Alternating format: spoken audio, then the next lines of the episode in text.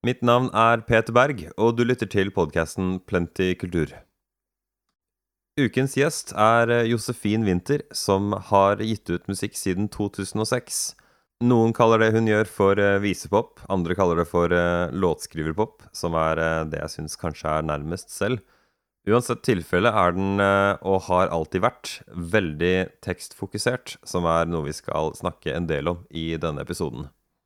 I fjor ga hun ut EP-en eh, e Helt hel, som bl.a. Eh, hadde låta Fint å se deg her, som var eh, avlystet på NRK P1 i en lang periode. Og nå har hun fulgt opp med enda et album. Det er altså ikke veldig lenge siden sist, men hun er på plass allerede med nytt materiale. Vi tar en prat med Josefin om hennes nye album som heter Hun som var her, og får bl.a. høre noen klipp av låter som eh, ikke ennå er eh, utgitt eh, som singler engang.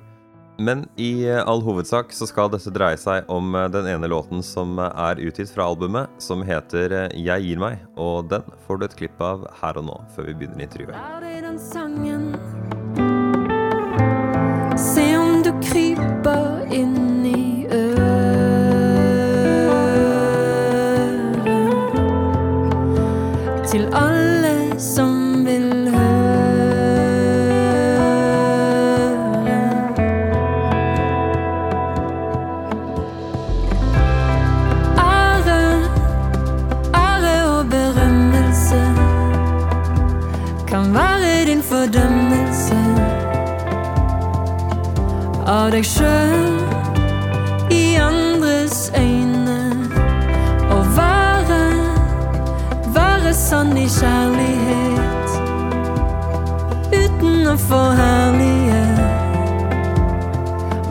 Som du gir. For hva betinger den? Hvor i eh, landet er det du befinner deg for øyeblikket? Mm, akkurat nå sitter jeg på arbeidsrommet mitt eh, i et hus i andre etasje på Nøtterøy. I ja. Tønsberg, Vestfold, Telemark, Norge. og opprinnelig så er du fra Nei, jeg er fra Bergen. Ja. Eh, så jeg er ofte der, for jeg, å si det sånn. Jeg kunne vel kanskje gjetta det, men uh, jeg Ja, ofte nok så gjetter jeg feil, og så føler man seg veldig dum, da, så jeg tør ikke å jeg spør heller, da. Okay. Men uh, kan du fortelle oss uh, litt om bakgrunnen din? Når uh, var det du fant ut at du ville være artist, og hva var det som trakk deg mot det? Mm, det skjedde nok litt i sånn stegvis. Jeg vet at når jeg var liten, så Altså når jeg var veldig liten, fire, fem, seks år, så ville jeg lage radio. Så jeg hadde kassett, og så spilte jeg inn meg sjøl med og snakket østlandsk og var liksom programleder på radioen, og så satte jeg i gang en sang, og så likte jeg også godt å få folk i familien til å se på meg mens jeg opptrådde, selv om jeg på en måte ikke kunne noen ting, så holdt jeg en gitar i hendene og liksom improviserte et eller annet. Så jeg hadde jo på en måte den trangen i meg hele veien. Og så på skolen så hadde jeg veldig mye musikk. Jeg gikk på Steinerskolen. Og jeg elsket å synge og Jeg husker at jeg hadde sånn øyeblikk i andre klasse der Ehm, eh, Musikklæreren min spurte om jeg hadde lyst til å synge solo på andre vers på en sang som vi sang, da. Og når jeg gjorde det, så kjente jeg bare Oi, det var et eller annet. Eh, og musikken i seg sjøl bare virket veldig sterkt på meg når jeg var barn og Så det var liksom en helt sånn uh, uhemmet drivkraft i meg, egentlig, det å, å uttrykke meg gjennom musikk. Uh, men det var jo ikke før jeg ble tenåring og forelsket og hadde jeg hadde behov for å uttrykke noe som jeg ikke kunne gjennom den korsangen og den klassiske musikken jeg vanligvis sang, da. Så da, mm. da kunne jeg Eller jeg lærte meg fire grep på gitar. Eh, og så skrev jeg min første kjærlighetssang om at jeg var ulykkelig forelsket. Og gjennom de neste, sånn, neste årene så skrev jeg veldig mye låter. Bare sånn non stop låtskriving. Og begynte å opptre med band når jeg var sånn 16 år. Og fra da av hadde jeg Fra da av hadde det blitt til noe annet. Fra noe jeg bare måtte gjøre, og som bare var i flyt, til noe jeg også tenkte at jeg ville gjøre. Og ville gi en retning og ville noe med sånn utad, da, og i livet mitt. Ja. Så fra da av har jeg egentlig på en måte bare drevet med det så mye jeg kan. Gitt ut musikk og spilt mye live. Selv Mm. så satt jeg her med inntrykket bare ut ifra Altså spesielt Nå har jeg fått hørt gjennom den, eh, den nye plata di som eh, er rett rundt eh, svingen her. Men jeg, jeg får Mhm. liksom inntrykk av at uh, dette er en veldig filosofisk person som bruker mye tid på å forske på sine egne tanker, og at liksom Mm. musikken, det er uh, det beste og mest logiske lerretet for å måte fortelle verden om uh, hvor, ja, hvor man er nå, da. Å, det var utrolig fint sagt. Det må jeg få lov til å si sitere deg på en gang. Jeg følte meg veldig sånn Jeg følte meg veldig sett som menneske. Så det, der traff du godt, det må jeg si. Ja, nei, det er em, Jeg syns det er et godt tegn hvis jeg kan høre på en låt, og Mm. jeg får noe ut av teksten, men samtidig så må jeg slå den opp, og så leser jeg den, og så oppdager jeg at her tror jeg det er liksom mer jeg ikke skjønner, og så tar det liksom litt, litt Det tar litt tid før den på en måte demrer. Uh, ofte må jeg da Mm. slå, slå opp, da, sånn for å få liksom hele he- Hele bildet. Uh, og det er jo Mm. noe, noen sånne, da. Noen sånne øyeblikk på, på, på den nye skiva di. Eh, men Mm. før vi går over i det nye du har laget, da, har du noensinne Altså, har du sunget noe Kanskje ikke som Vi kan ekskludere barndommen og tenåra, da, men har, har du gitt ut en låt som du har skrevet, og som du nå tenker at uh, Jeg hadde ikke funnet på å si noe av det der i dag. Ja, jeg har jo det. Eh, eller liksom, veldig mye hadde jeg ikke funnet på å si i dag. Eh, og for meg er det litt sånn eh, Noen av de tidligste tingene mine, kanskje mest tekstmessig, syns jeg er litt sånn eh, rart å høre på. Jeg fniser litt for meg sjøl og sånn. Og jeg har jo tatovert eh, debutalbumet med sin tittel på underarmen min. Ja, hva er det, da? Be proud or stay out of it. Og det Ja. gjorde jeg når jeg var kanskje 21 år, når det kom ut. Eh, så det, det er absolutt sånn at eh, ting eh, Ting på en eller annen måte føles veldig knyttet til den tiden jeg skrev det i. Og så prøver jeg å være litt sånn streng med meg sjøl, at jeg ikke får lov til å Jeg får ikke lov til å se ned på det eller tenke liksom Å, herregud, så umoden jeg var da. Men på en måte ha respekt for at fordi at jeg skrev den sangen som jeg i dag kanskje kan tenke ja, ja om, så førte det meg til neste sang, som førte meg til neste sang, og så videre. Så, og det minner jo meg også om at det jeg skriver nå, som jeg tenker Nå begynner vi å snakke her, Josefin. At kanskje om ti år så føles det litt sånn Jeg vet ikke akkurat hva det kommer til å føles som da, men det er jo på en måte det er litt sånn uh, som å se i et fotoalbum, bare at du får høre Du får høre deg sjøl tenke, altså et bilde av dine egne tanker og dine, ditt eget språk, i en tid som Og en alder jeg ikke lenger er. Altså, jeg ga ut min første EP for 16 år siden, Ja. så Men jeg er veldig glad for det, da. Så jeg kan le av det, og så kan jeg tenke litt sånn Uff, rødme til og med med noen av setningene. Men så prøver jeg å minne meg på at eh, det var modig, det var sterkt gjort den gang. Men nå er det, nå er det en annen person. Nå er, det, nå er du kommet videre. Ja. Nei, altså det er jo en eh, Den holdningen og den problemstillingen tror jeg mange kan egentlig oversette til veldig mye, liksom. Eh, Mm. om, om det så er noe så enkelt som liksom gamle videoer av deg selv, hvor du liksom ser hvordan du oppførte deg, da, så er det mange som Mm. får inntrykk av at nesten hvem som helst bare gremmes over å se hvordan de var liksom for eh, ja, et gitt antall år siden, da. Mm. Mm. Eh, så, men det er liksom fint å Ja, det er fint å kunne forholde seg til at eh, Sannsynligvis er du den eneste som uh, syns det, og på den tiden var det jo Mm. helt greit.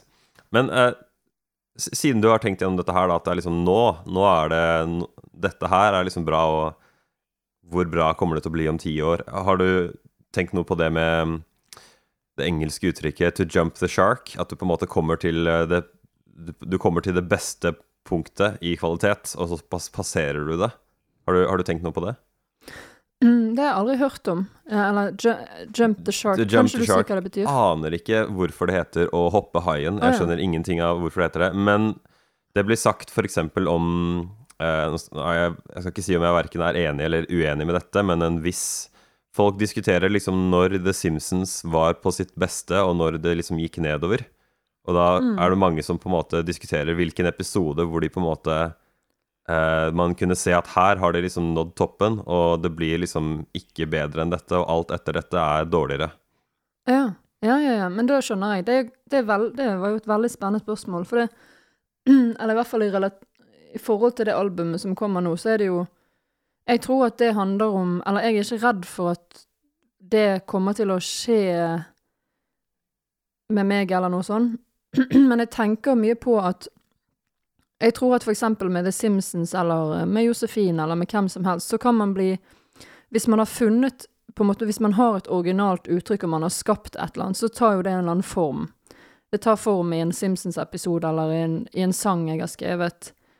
Og så kan eh, Så kan man bli forelsket i den formen og tenke liksom Der har vi det. Og så kan man begynne å så kan, så kan man bli redd for å skape noe nytt fordi den formen ble så bra, eller man fikk så god respons på det. Og da, er det jo noe annet som skjer, for det, den, den sangen var genial fordi at noe originalt skapte den, eller genial, eller god på en eller annen måte, eller oppriktig, eller intuitivt sterk. Og formen den tok, eller uttrykket den fikk, jeg har på en måte ikke så mye med saken å gjøre som det som drev frem eller skapte den formen. Eh, Så jeg tenker at når du har en sånn Når du er- befinner deg i en sånn Simpson-verden der du er liksom en global suksess, så, så blir jo den formen virkelig et sånt handikap til slutt, når ikke skapertrangen overgår den eh, formen eller uttrykket det har tatt, da. Så, så jeg har på, på en måte så har jeg et ganske bevisst forhold til det, fordi at jeg, jeg, jeg kjenner sjøl at jeg Noe i meg vil være i bevegelse noe meg vil noe nytt med meg sjøl, noe som er vanskelig, som jeg ikke vet hva er. Og det resultatet blir jo at jeg kanskje ikke er så god, altså dyktig håndverker til å ta det imot ennå. For eksempel så vil jeg gjerne bruke kroppen min i en musikkvideo for på det forrige albumet jeg ga ut. Og så kan jeg kan ikke danse, men jeg liker veldig godt å bevege meg. Eh, Så da skapte jeg noe nytt med kroppen min, og hvis jeg hadde vært dyktigere, så kanskje hadde det blitt bedre, i anførselstegn. Men den drivkraften til å gjøre det, den var genuin. Den, det var den som var verdifull. Eh, og litt sånn er det jo nå at når man hører dette albumet her, så tror jeg man kommer til å tenke at det er noen sånne Josefin-låter. Sånn relativt standard singer-songwriter-pop med kanskje litt fine tekster og fine melodier og sånn. Og det liker jeg veldig godt, og jeg blir veldig glad når jeg får til å fylle det med noe Noe som har en nerve. Eh, og, og det håndverket føler jeg på en måte at jeg kan. Eh, og så har jeg gjort noen ting som jeg ikke kan. Som jeg ikke er god på, eller ikke har gjort før. Og Ja, hva er de tingene da? Nei, altså sånn Noen av sangene er jo på en måte litt mer sånn elektro... Noe av det er litt sånn elektroniske elementer som jeg på en måte bare har lekt meg frem til. Ehm, noen eh, på en måte harmoniske progresjoner er ganske ny for meg. Ehm, noen eh, måter å skrive tekst på er ny for meg. Noe av det kan Jeg vet ikke hvem som får lov til å bruke ordet eksperimentelt, men for meg er det i hvert fall eksperimenterende og søkende. Og Ja. så det, så det som det gjør, er at jeg gjør noe jeg i anførselstegn ikke er god på, og så opplever jeg at det har nerve, og det kan drive meg frem til et nytt punkt i meg sjøl. Hvis jeg jo tør å gjøre det. Ja. Mm. Jeg bare En ting jeg la merke til da jeg hør, hørte gjennom albumet ditt, og jeg husker ikke tittelen nå i farta, men det er vel på den første halvdelen, så Mm. er det en låt hvor jeg på en måte hører eh, det jeg ville kalt for en typisk sånn eh, Radiohead-akkordprogresjon, hvor det plutselig dukker opp en durakkord, dur-akkord eh, Ah, ja. som er liksom out of place. Den er på en måte lånt fra en annen toneart enn den du egentlig er i. Ja. Og da får du den der samme følelsen som en av de største låtene deres, som eh, hva er det den heter? 'Everything in its right place'. Mm, mm. Eh, Så jeg, jeg, jeg skal klippe inn den etterpå her. Um, ikke Radiohead, altså, men din låt. Fange,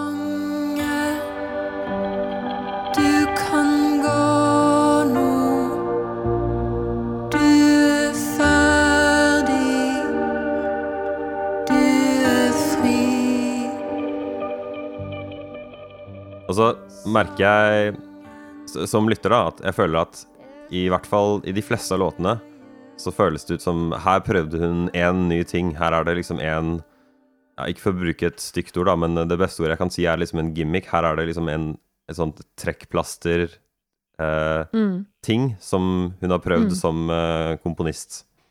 Mm. Sånn som at du låner en sånn eh, Fordi du, du nevnte de harmoniske greiene, og det var derfor jeg tenkte på den eh, låta. Eh, så jeg får klippe inn meg selv som forteller hvilken låt det er etterpå. Ja, um, men det er jeg spent på å høre hvilken det er. og eh, her klipper jeg da inn meg selv, som kan eh, fortelle deg at det er låta 'Fangen', som du nettopp hørte. Nei, jeg tenkte det var fint å spørre om et eksempel på hvordan låtskrivingen din har utviklet seg. Fordi jeg syns jeg liksom Mm. kan høre at personen som skrev den siste singelen din, 'Jeg gir meg', det høres ut Mm. som noen som har lært mye de siste årene. Så jeg- Det var derfor Mm. jeg liksom hadde lyst til å spørre om det med hvordan du skrev før og sånt. Så albumet ditt som kommer, det heter 'Hun som var her'. Eh, så, men den låta 'Jeg gir meg', kan du, kan du ikke ta oss gjennom eh, teksten på den? Jeg er spesielt nysgjerrig på refrenget.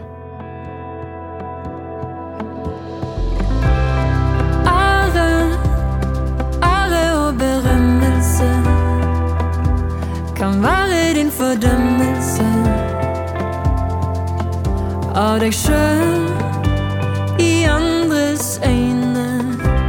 Å være, være sann i kjærlighet uten å forherlige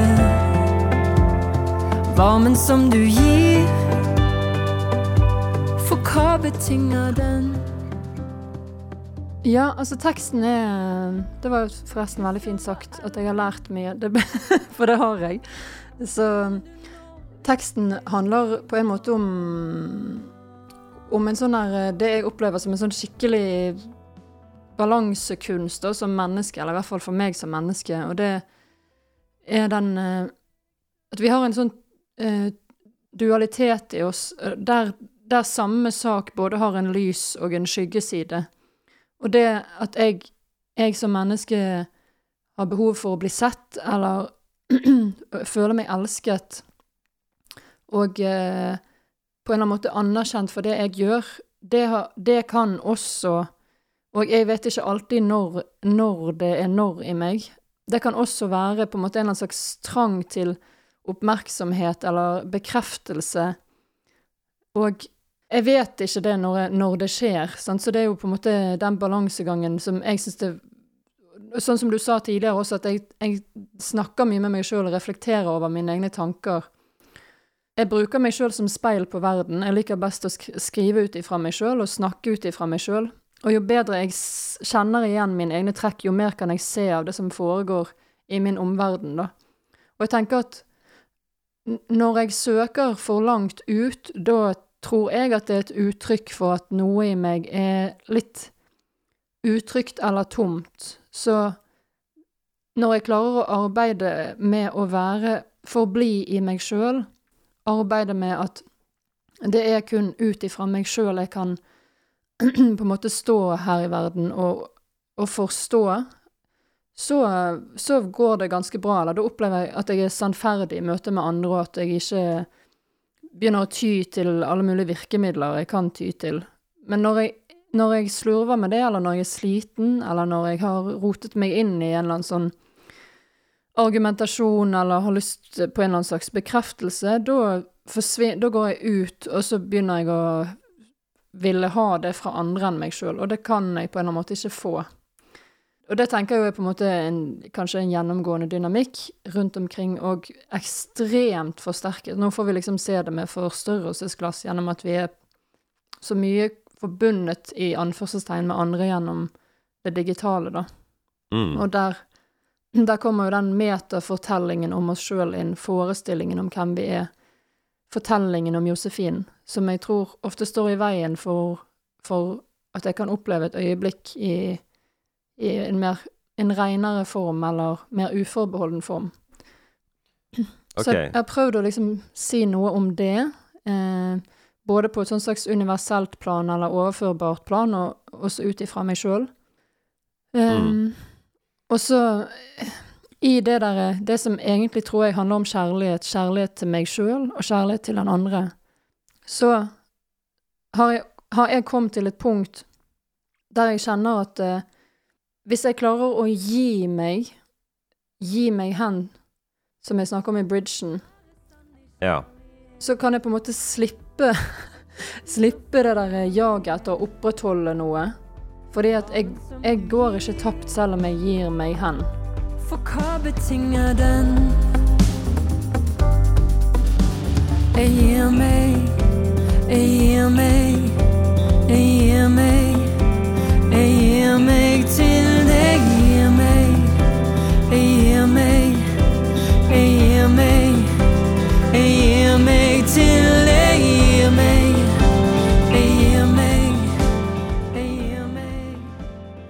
Gir meg til den andre, gir meg til verden. Jeg kommer til å forbli, og jeg kommer til å Og liksom det er jo det ofte at den frykten, den liksom sånn Å ja, men hvis jeg gir meg nå, hvis jeg gir etter nå, da Hva skjer da, liksom? Og erfaringen tilsier at ingenting skjer utenom at jeg kan At jeg slipper å bruke masse krefter på å stå imot eller krangle eller ha rett eller bevise eller rettferdiggjøre. Ja, ja. Så, Ja. men eh, ja, i refrenget så er det jo liksom det at når da, når vi eller jeg søker ut ære og berømmelse, som er jo først også en fin catchphrase, som man kan si, så er jo det først og fremst å ta steget ut av meg sjøl, stille meg i noen andres sko og se på meg, og sånn sett også bedømme, og til og med kanskje fordømme meg sjøl.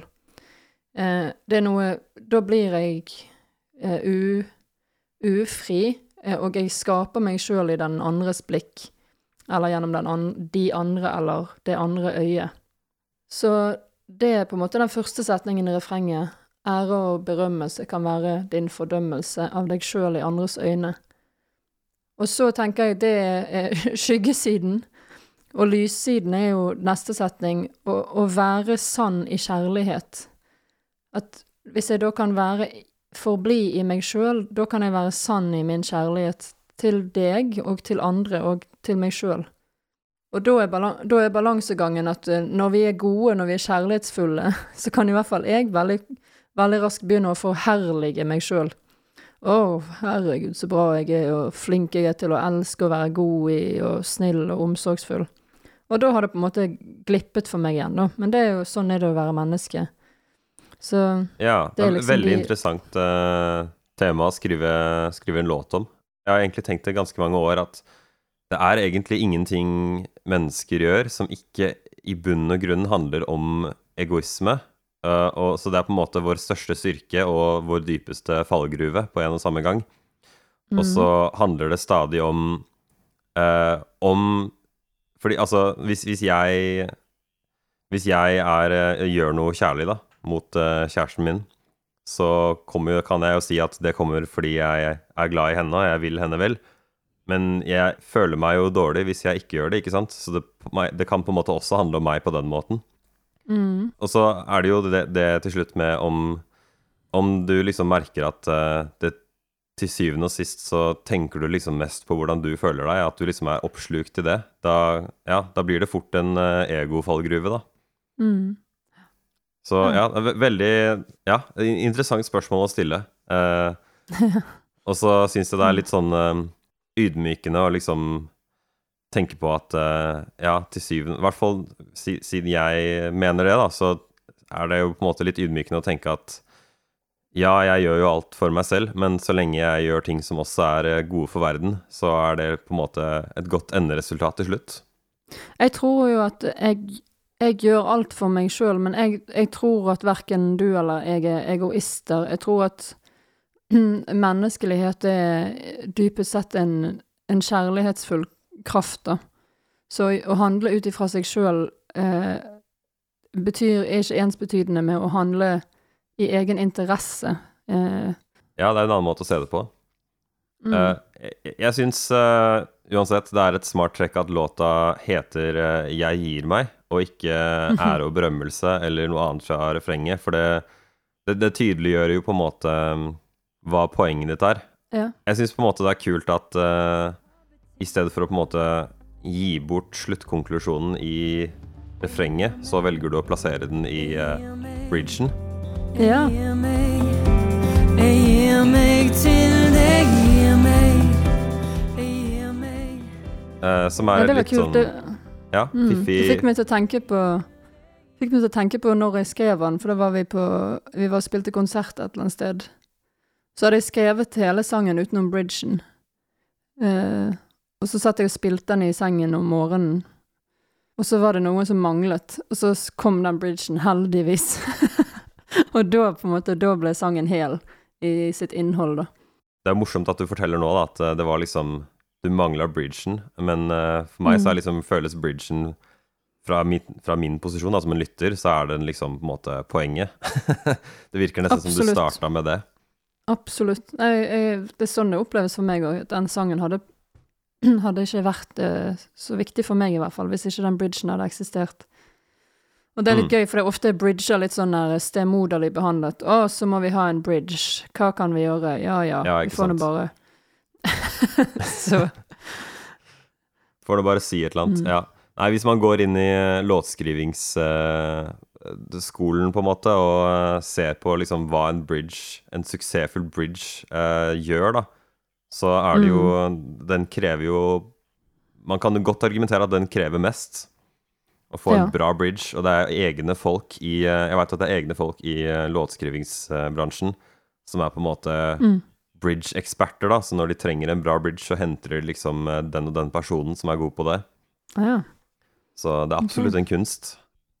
Eh, så i, i presseskrivet eh, som jeg fikk da i e-posten min, så, fikk jeg, så, så sto det et sitat fra deg som lister spørsmål som du stiller på det, den eh, kommende skiva.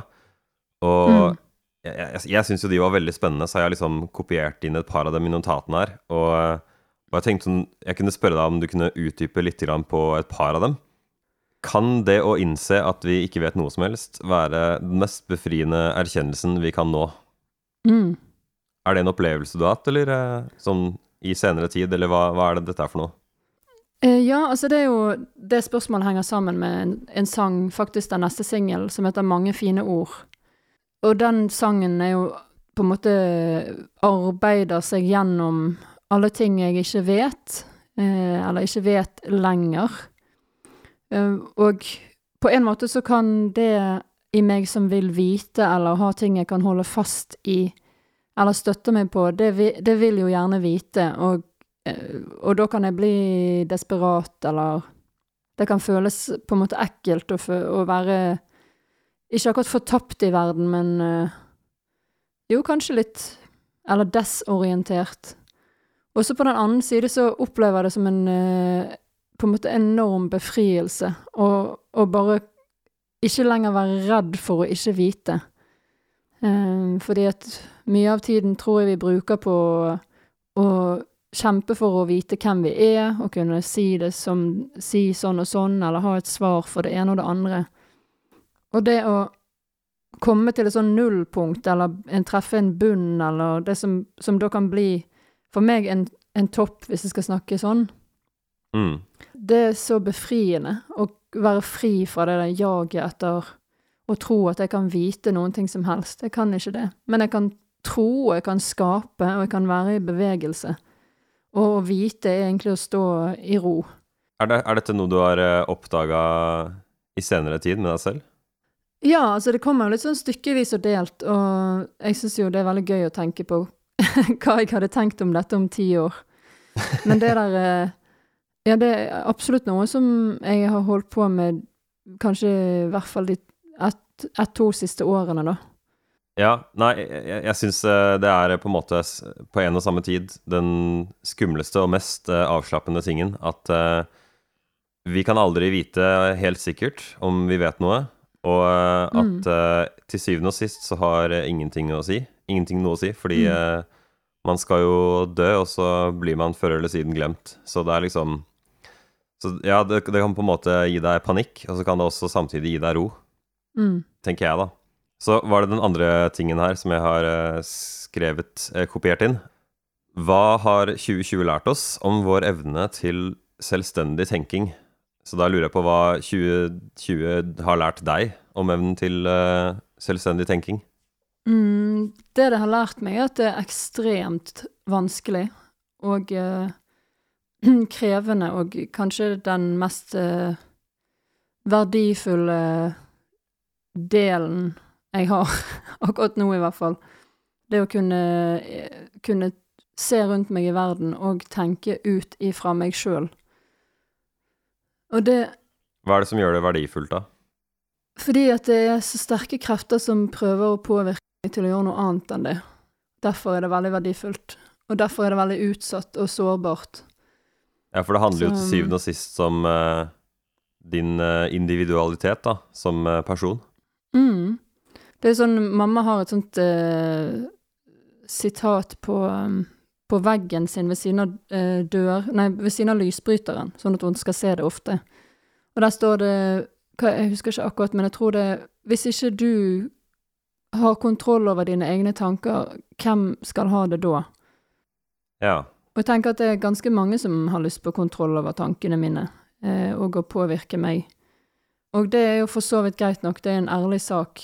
Så mitt spørsmål og min utfordring er, til meg sjøl er jo å klare å stå imot det og allikevel stille meg åpen for verden. Så det er jo det som er Én ting er å sitte på en stein og være så skråsikker på seg sjøl eller et eller annet sånt.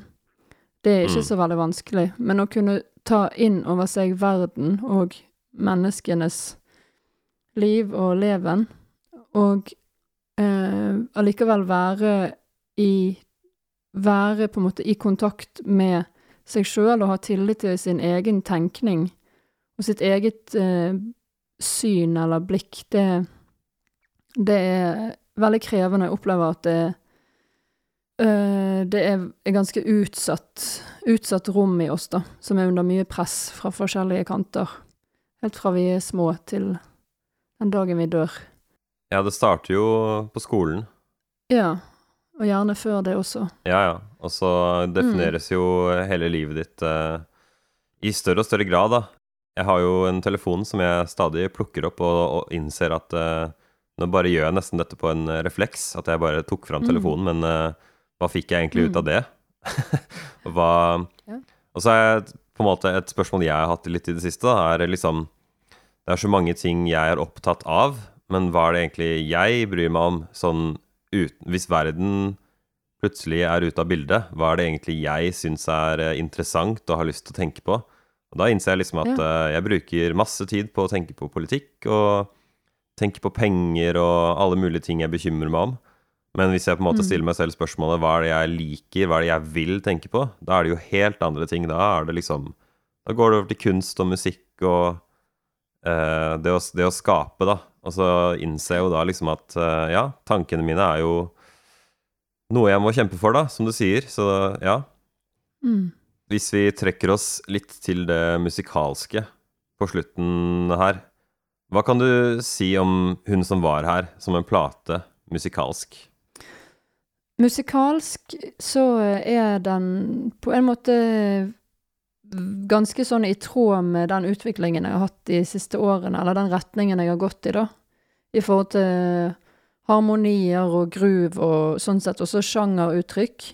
Ehm, og så eh, har den også noen sånne som vi var inne på tidligere, noen litt sånn ehm, eh, sleipe steiner. Der eh, man kan eh, snuble eller komme ut av balanse. Og det har jo vært noe av intensjonen min. Hva, hva kan du Eh, forklare det sleipe steiner hvor du kommer ut av balanse? Ja, at hvis eh, låtene mine, sånn som den singelen gir meg, og den neste singel og en god del andre, har en ganske tydelig form, og sånn sett ikke gjør det store på en måte krumspringene i verken groove eller akkordprogresjoner eller i melodiføring, så er det noen steder der jeg på en måte forrykker den rytmen litt, da, og så gjør noe annet.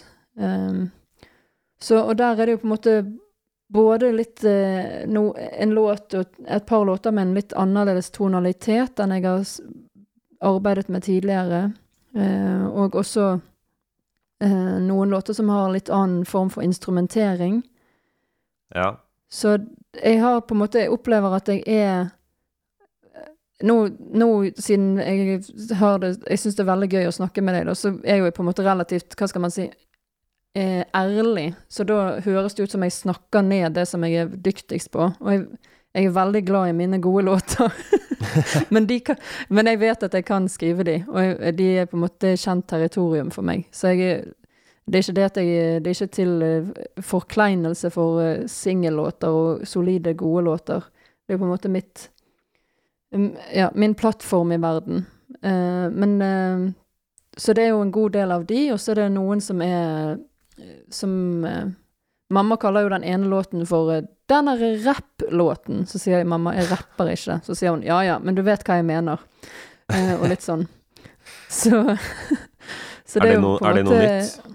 ja, det har jeg ikke gjort siden Hvilken eh, låt er det? Den heter eh, Vær så snill, heter den. Vær så snill. Ja. Mm. Da tenker jeg vi kan, eh, vi kan avslutte med et eh, lite klipp av den låta som en eh, teaser. Og så får folk ta oss og høre på albumet ditt. Det kommer 12. april. Yes, det gjør det. Du er så grei, du er så snill, du er så flink.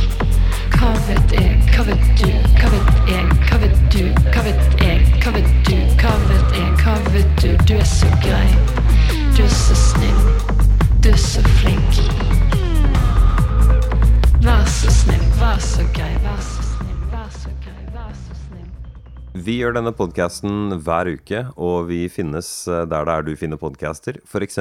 på Apple Podcasts eller eh, Spotify. Du søker ganske enkelt på Plenty Kultur. PLNTY Kultur. Vi hadde også satt stor pris på det dersom eh, du hadde ratet oss, hvis det er mulig på din plattform.